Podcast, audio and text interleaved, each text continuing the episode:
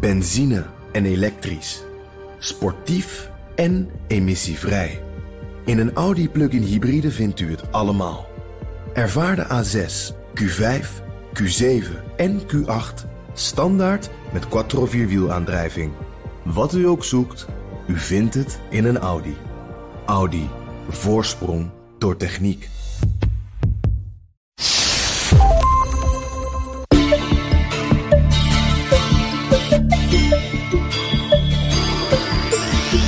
Wil zo snel mogelijk zelfvoorzienend worden, ook op wetenschappelijk gebied. Het land zet daarom vol in op research and development.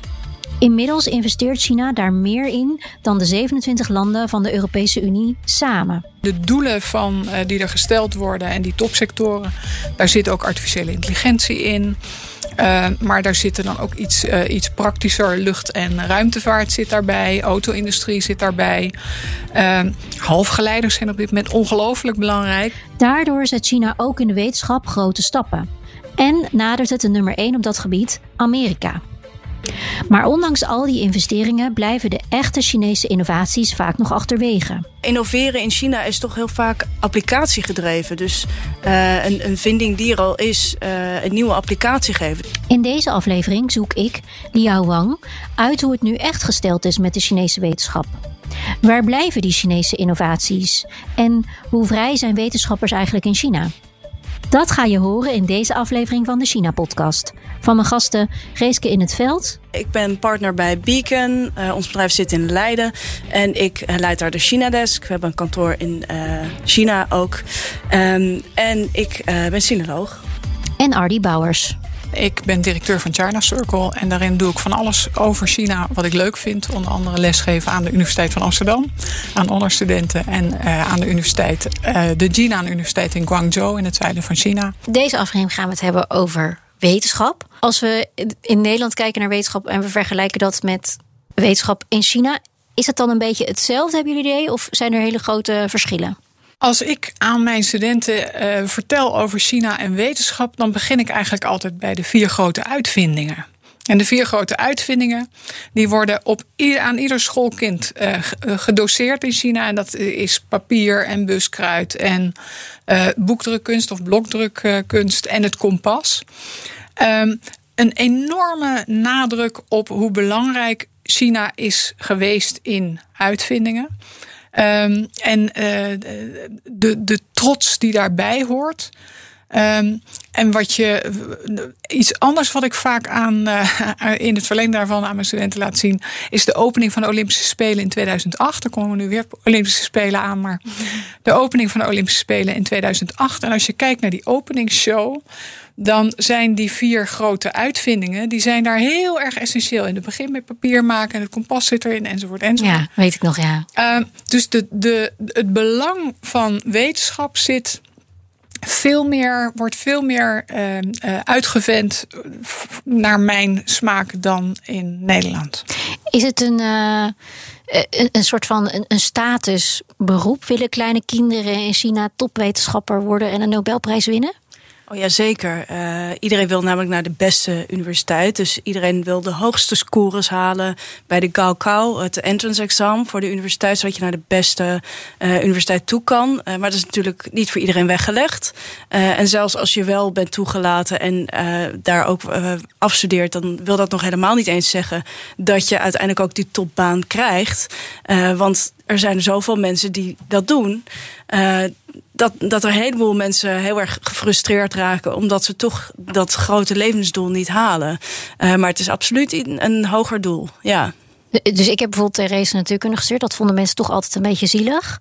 In China is dat dus, uh, is dat dus wel echt anders. Het is heel interessant, ja. En, uh, en het um, is op het moment zelfs zo. Ik heb veel vrienden die um, Chinees zijn, uh, in China zijn opgegroeid, uh, maar bijvoorbeeld in Nederland hebben gestudeerd.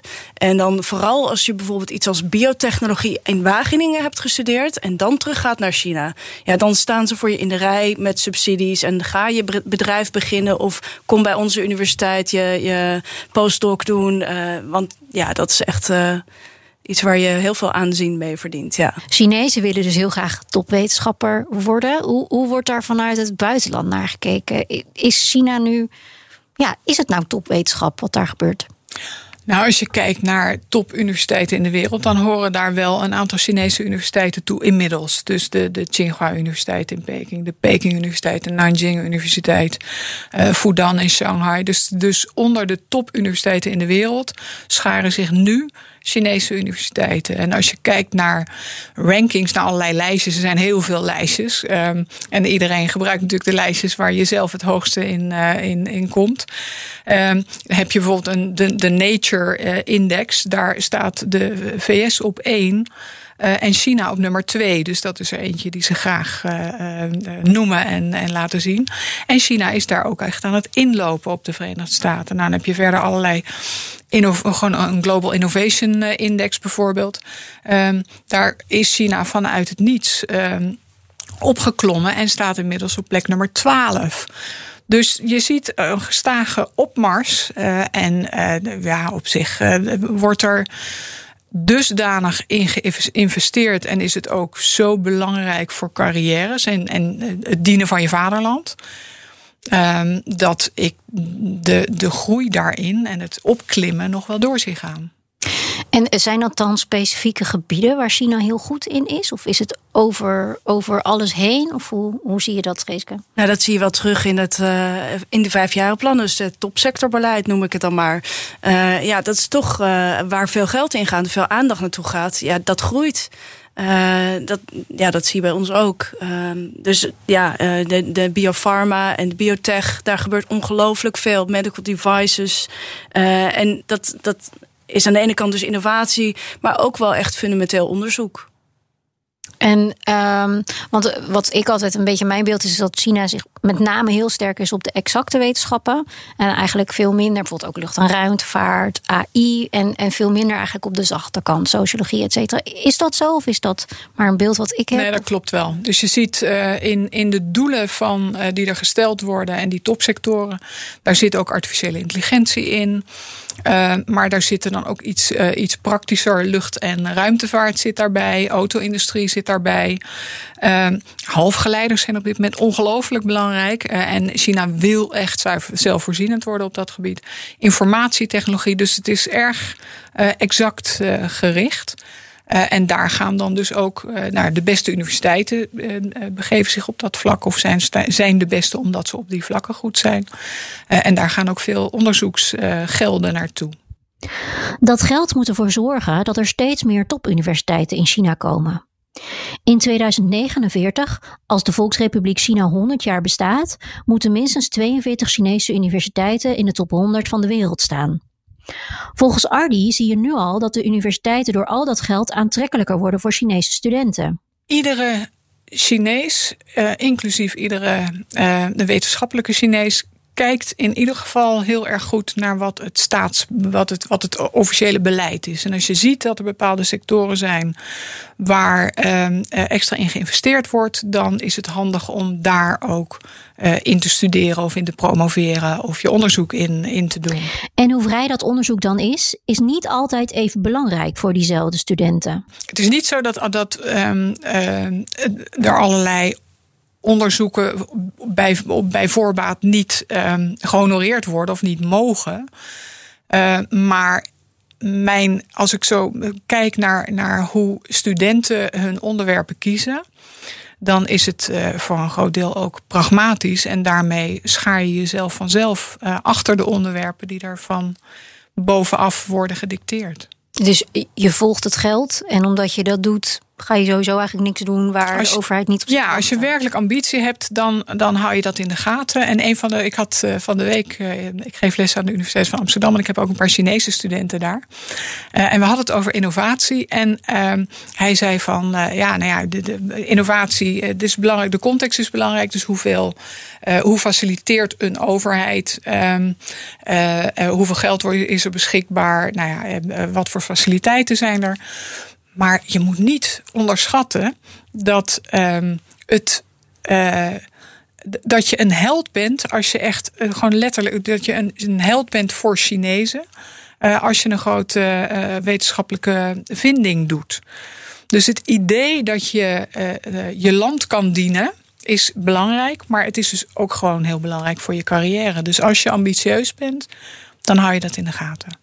En het, in Nederland of in Europa is natuurlijk vrijheid in de wetenschap. Alles kunnen onderzoeken, alles kunnen zeggen is natuurlijk een heel groot goed. Is ook iets waar, denk ik, wetenschappers het veel over hebben en expliciet heel belangrijk vinden. Is dat in China ook zo? Ja, nee, dat is toch echt anders. Uh, en uh, je merkt toch uh, dat daar een bepaalde mate van, van zelfcensuur ook wel is. Uh, en ja, dat heeft ook te maken met systemen die verschillen uh, met onze uh, systemen. Ik, heb, uh, ik, ik, werk wel eens samen in hoger onderwijs, samenwerkingsprojecten tussen China en Nederland. En dan merk je als het over innovatie gaat, dan bedoelen wij in Nederland echt een onbeschreven blad. Je begint met iets wat leeg is en je gaat iets totaal nieuws ontwikkelen. Uh, maar als je dan gaandeweg met uh, de Chinese partner aan tafel zit, dan merk je dat daar uh, een ander beeld bestaat. En dat ze toch vaak ook de veilige weg kiezen van ja, maar we willen wel dat dat programma dan geaccrediteerd wordt. En eigenlijk wil het ministerie dan toch altijd dat het op die manier gaat. en als je dan verder gaat, ja, dan komt er nog weer wat bij, waardoor je uiteindelijk ergens uitkomt wat helemaal niet meer vernieuwend is. En dat wij denken, um, was dit wat we voor ogen hadden toen we begonnen? Nee, want dit is eigenlijk precies als wat er al was. Uh, en zij hebben het gevoel, omdat ze met ons die dialoog zijn aangegaan, van ja, dat, dan is het innovatief. Uh, dus daar zijn hele andere denkbeelden bij. En in hoeverre denk je dat dat China ook beperkt in haar eigen innovatie? Omdat het dus zo moeilijk is om dat soort impulsen ook in samenwerking met het buitenland op te halen. Nou ja, dat beperkt zeker. Um, en ik zie wel dat daar echt uh, mensen nodig zijn om de brug te slaan. En mensen die dat goed kunnen zijn bijvoorbeeld uh, toch inderdaad mensen die uh, in Nederland dan hebben gestudeerd en teruggaan of in Amerika. Maar die kennis hebben van de verschillende culturen en van de verschillende bedrijfsculturen of organisatieculturen. En dan dus ja, toch echt de, nou de beide talen spreken, ook niet onbelangrijk. en daarmee kunnen helpen. Want het klinkt bijna als ik, als ik jou zo hoor, alsof de definitie voor een Chinese wetenschapper van innoveren echt heel anders is dan de definitie die wij hebben van innoveren. Nou ja, uh, innoveren in China is toch heel vaak applicatiegedreven. Dus uh, een, een vinding die er al is, uh, een nieuwe applicatie geven, dat, dat wordt ook als innovatie gezien. het is een innovatie als je bijvoorbeeld een patent kunt registreren. dat is heel waardevol, want daarmee kan je ook laten zien: ik heb een resultaat. een van de eerste dingen die wij vaak horen als Chinese life science bedrijven met Nederlandse partijen willen spreken, is dan, dan vragen ze: hebben jullie je IP wel goed geregistreerd? Want anders hoeven we het gesprek niet aan te gaan. Want dat is de waarde. Daarmee ben je serieus en uh, ben je echt uh, ja, belangrijk. Het, is, het moet dus concreet, tastbaar. Ze moeten bijna iets vast hebben wat ze dan hebben ja. geïnnoveerd. En wat het bewijs is van die ja, innovatie. Klopt. Het is natuurlijk ook iets makkelijker innovatie. Hè? Je hebt iets en je, uh, je, je tweakt het een beetje en je verbetert het. Um, en, en dat is iets waar Chinezen enorm goed in zijn. Dus het is ook. Um, ook dat is een soort praktische keus. Want dat, uh, je, je, hebt een. een uh, nou, eigenlijk heb je. Uh, we hebben het ook gezien in, in allerlei software. je hebt een WhatsApp en je hebt een Facebook. En je maakt. Chinezen ja. maken er WeChat ja. van. Ja. en, en denken zo ontzettend klantgericht dat het ze ook echt lukt om dat heel erg te verbeteren. Om, om een veel betere versie dan het origineel te maken. Dus je ziet dat dat soort graduele uh, innovatie uh, heel belangrijk is in Chinese context. En dat, ja, wat, wat ik dan meer uitvinden noem, gewoon echt vanaf het, de, het blanco blad uh, iets totaal met iets totaal nieuws komen, heel fundamenteel. dat is veel minder ontwikkeld. Dit is bijvoorbeeld goed te zien bij de uitreiking van de Nobelprijzen. Tot nu toe won 22 keer een Nederlander die prijs, waaronder dit jaar. The Royal Swedish Academy of Sciences has today decided to award Sveriges Riksbank Prize in Economic Sciences in memory of Alfred Nobel, with one half to David Card for his empirical contributions to labor economics, and the other half jointly to Joshua D. Angrist and Guido W. Imbens for their methodological contributions to the analysis of causal relationships. China komt daar niet in de buurt. Pas acht keer won een Chinees een Nobelprijs. Ardia heeft daar wel een verklaring voor. Als we een klein stapje teruggaan in de tijd, dan is dat wel te, te, te uit te leggen. Omdat onder Mao Zedong uh, was er, uh, um, had je het idee dat een expert zijn, intellectueel zijn, uh, werd totaal niet gewaardeerd. Dus het was belangrijker om rood te zijn dan om expert te zijn. en onder, onder Mao Zedong was de, de, de groep intellectuelen was de stinking ninth category. Lager kon je niet zinken. Um, dus eigenlijk is, zijn de universiteiten pas na de dood van Mao, dus uh, eind jaren zeventig. Um, uh, weer uh, open gegaan. Die waren gewoon 15 jaar dicht. Um, en als je dat als een soort basis neemt, dan is er, zijn, zijn er best snel grote stappen genomen. Um, en wat je nu ziet, is dat Xi Jinping echt innovatie als een van de grootste beleidsdoelen heeft, heeft gemaakt. en dat er dus ook veel geld en veel middelen naartoe gaan. Um, dus ik denk dat, dat als je daarnaar kijkt, dat China wel op de weg is naar meer. Um, ik heb de, discussie over of Chinezen nou beter zijn in. Uh, of, of de westerse context van uh, vrije academische uh, uitwisseling. Of die per definitie beter is om tot innovatie te komen, vind ik nog wel een interessante. Het kan zijn dat dat op een hele, heleboel gebieden zo is, maar wat uh, uh, je daar tegenover zou kunnen zetten is als er echt enorm ge, gesubsidieerd wordt. Um, als jij je nooit zorgen hoeft te maken over een onderzoeksbudget. Uh, als je daar ook je tijd niet hoeft in te steken. Um, als je uh, uh, heel erg gefaciliteerd wordt en zomaar allerlei van de beste en de meest slimme Chinezen krijgt, die toe worden gevoegd aan jouw onderzoeksteam. Dan kom je ook nog wel ergens. Dus het idee dat China uh, doordat het een autoritair systeem is, per definitie minder innovatief zou zijn, hmm. is niet helemaal waar. Nou, ik denk dat uh, wat Ardi schetst, uh, dat Nederlandse wetenschappers erg te lijden hebben onder regeldruk en, en administratieve lamsam. dat is gewoon heel ingewikkeld. Dat je altijd maar weer die subsidies moet aanvragen en, en dat dat zo regelmatig is. dat je zo onzeker bestaan hebt eigenlijk. Maar het niveau van de Nederlandse wetenschap is op dit moment uh, nog hoger op een heleboel gebieden dan, uh, dan in China. Dus het is niet zo dat het in Nederland reddeloos verloren is. Nee. uh, maar nou ja, Nederland moet ook wel ervoor, denk ik, blijven kiezen om.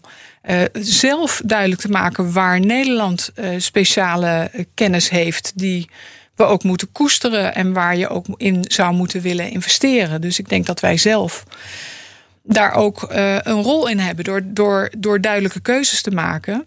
Um, kan je steeds een stapje voor blijven en kan je ook voor Chinese uh, partners kan je interessant blijven. Dus ik denk dat wij eigenlijk ook gewoon best hard aan de bak moeten.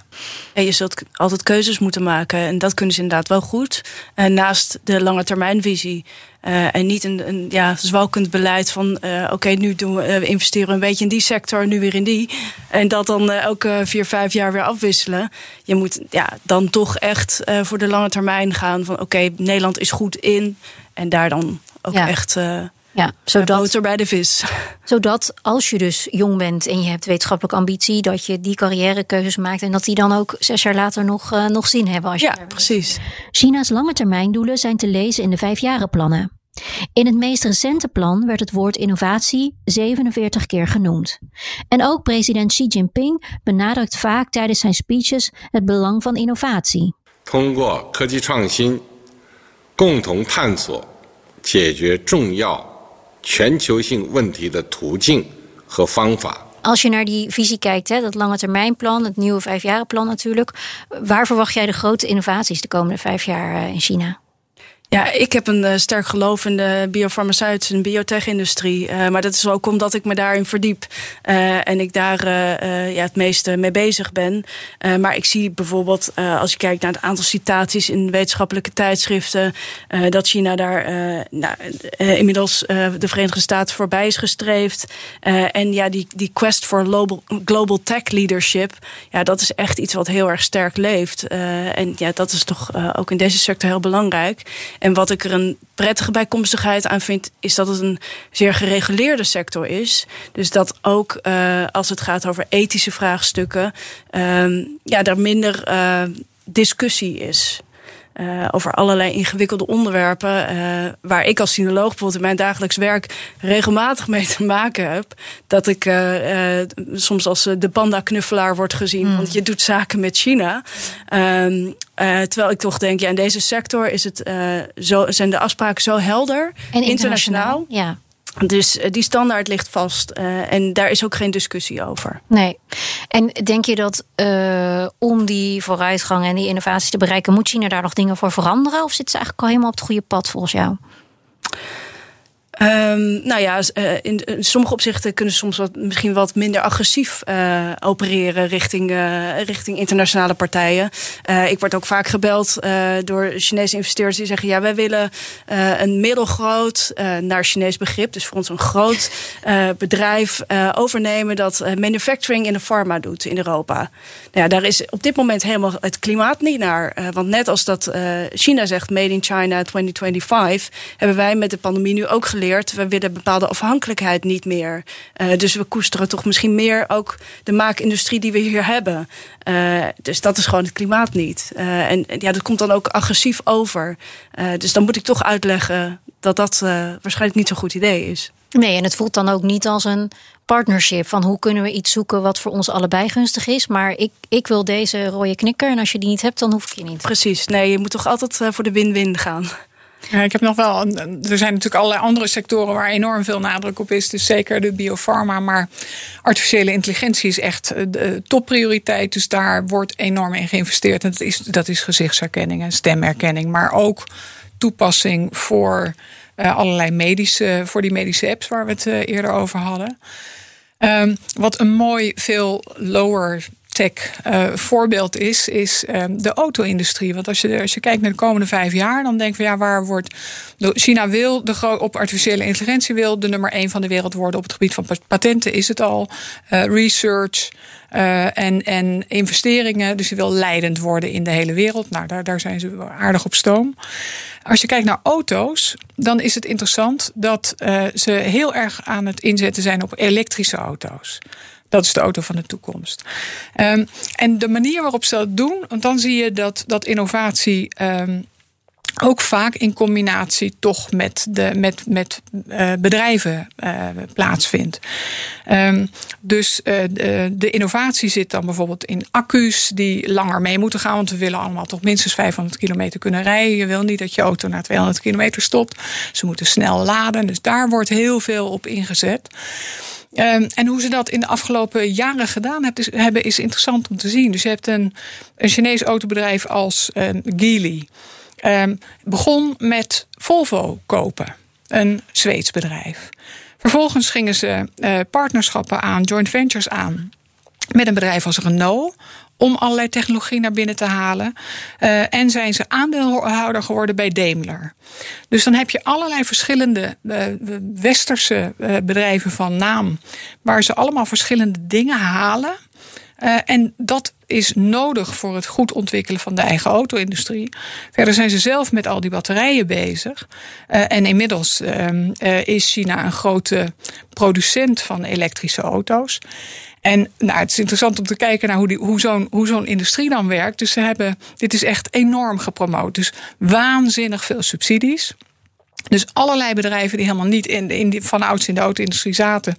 Xiaomi van de mobiele telefoons, ook in de elektrische auto's. Dus inmiddels zijn er 300 bedrijven die elektrische auto's produceren.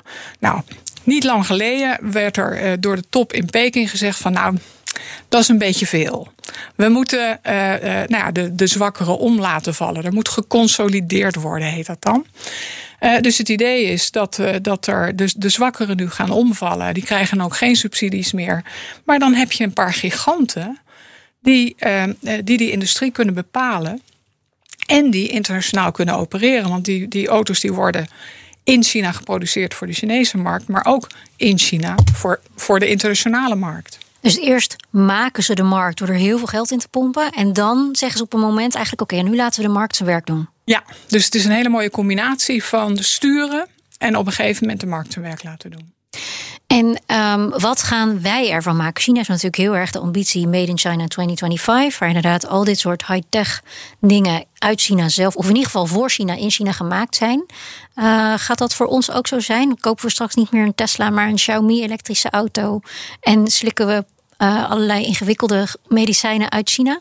Je ziet nu al Polestars rijden en de NIO. En ik denk dat een groot deel van de elektrische auto's over tien jaar uh, Chinese merken zijn waar we nu uh, de naam nog niet van kennen. En op welke gebieden gaat dat nog meer zo zijn? Nou ja, medicijnen denk ik inderdaad ook. Uh, omdat ze gewoon uh, daar zo snel in ontwikkelen. Uh, dus ja, als er bedrijven zijn, life science bedrijven hier in Nederland, die de Chinese markt overwegen, zeg ik ook altijd van ja, kies je het juiste moment. Je moet nooit te vroeg naar zo'n Chinese markt gaan. Maar het is wel een, een, belangrijk, een belangrijke kentering op het moment. Dus als je het overweegt, ga dan nu serieus kijken. Uh, want nu ben je nog echt veel verder. Maar over vijf jaar misschien niet meer. Dit was aflevering 13 van het derde seizoen van de China-podcast. Dank aan mijn gasten Ardy Bouwers en Geeske in het Veld. Deze podcast komt mede tot stand door het Leiden Asia Center. De China-podcast wordt gemaakt door mij, Liao Wang en Johnboy Vossen, die de productie doet. In de volgende aflevering kijken we naar de Chinese milieupolitiek. Eerdere afleveringen van de China-podcast zijn terug te luisteren via bnr.nl slash China-podcast, de BNR-app of je favoriete podcastplatform. Reageren? Dat kan via podcast.bnr.nl. Benzine en elektrisch. Sportief en emissievrij. In een Audi plug-in hybride vindt u het allemaal. Ervaar de A6, Q5, Q7 en Q8 standaard met quattro vierwielaandrijving. Wat u ook zoekt, u vindt het in een Audi. Audi. Voorsprong door techniek.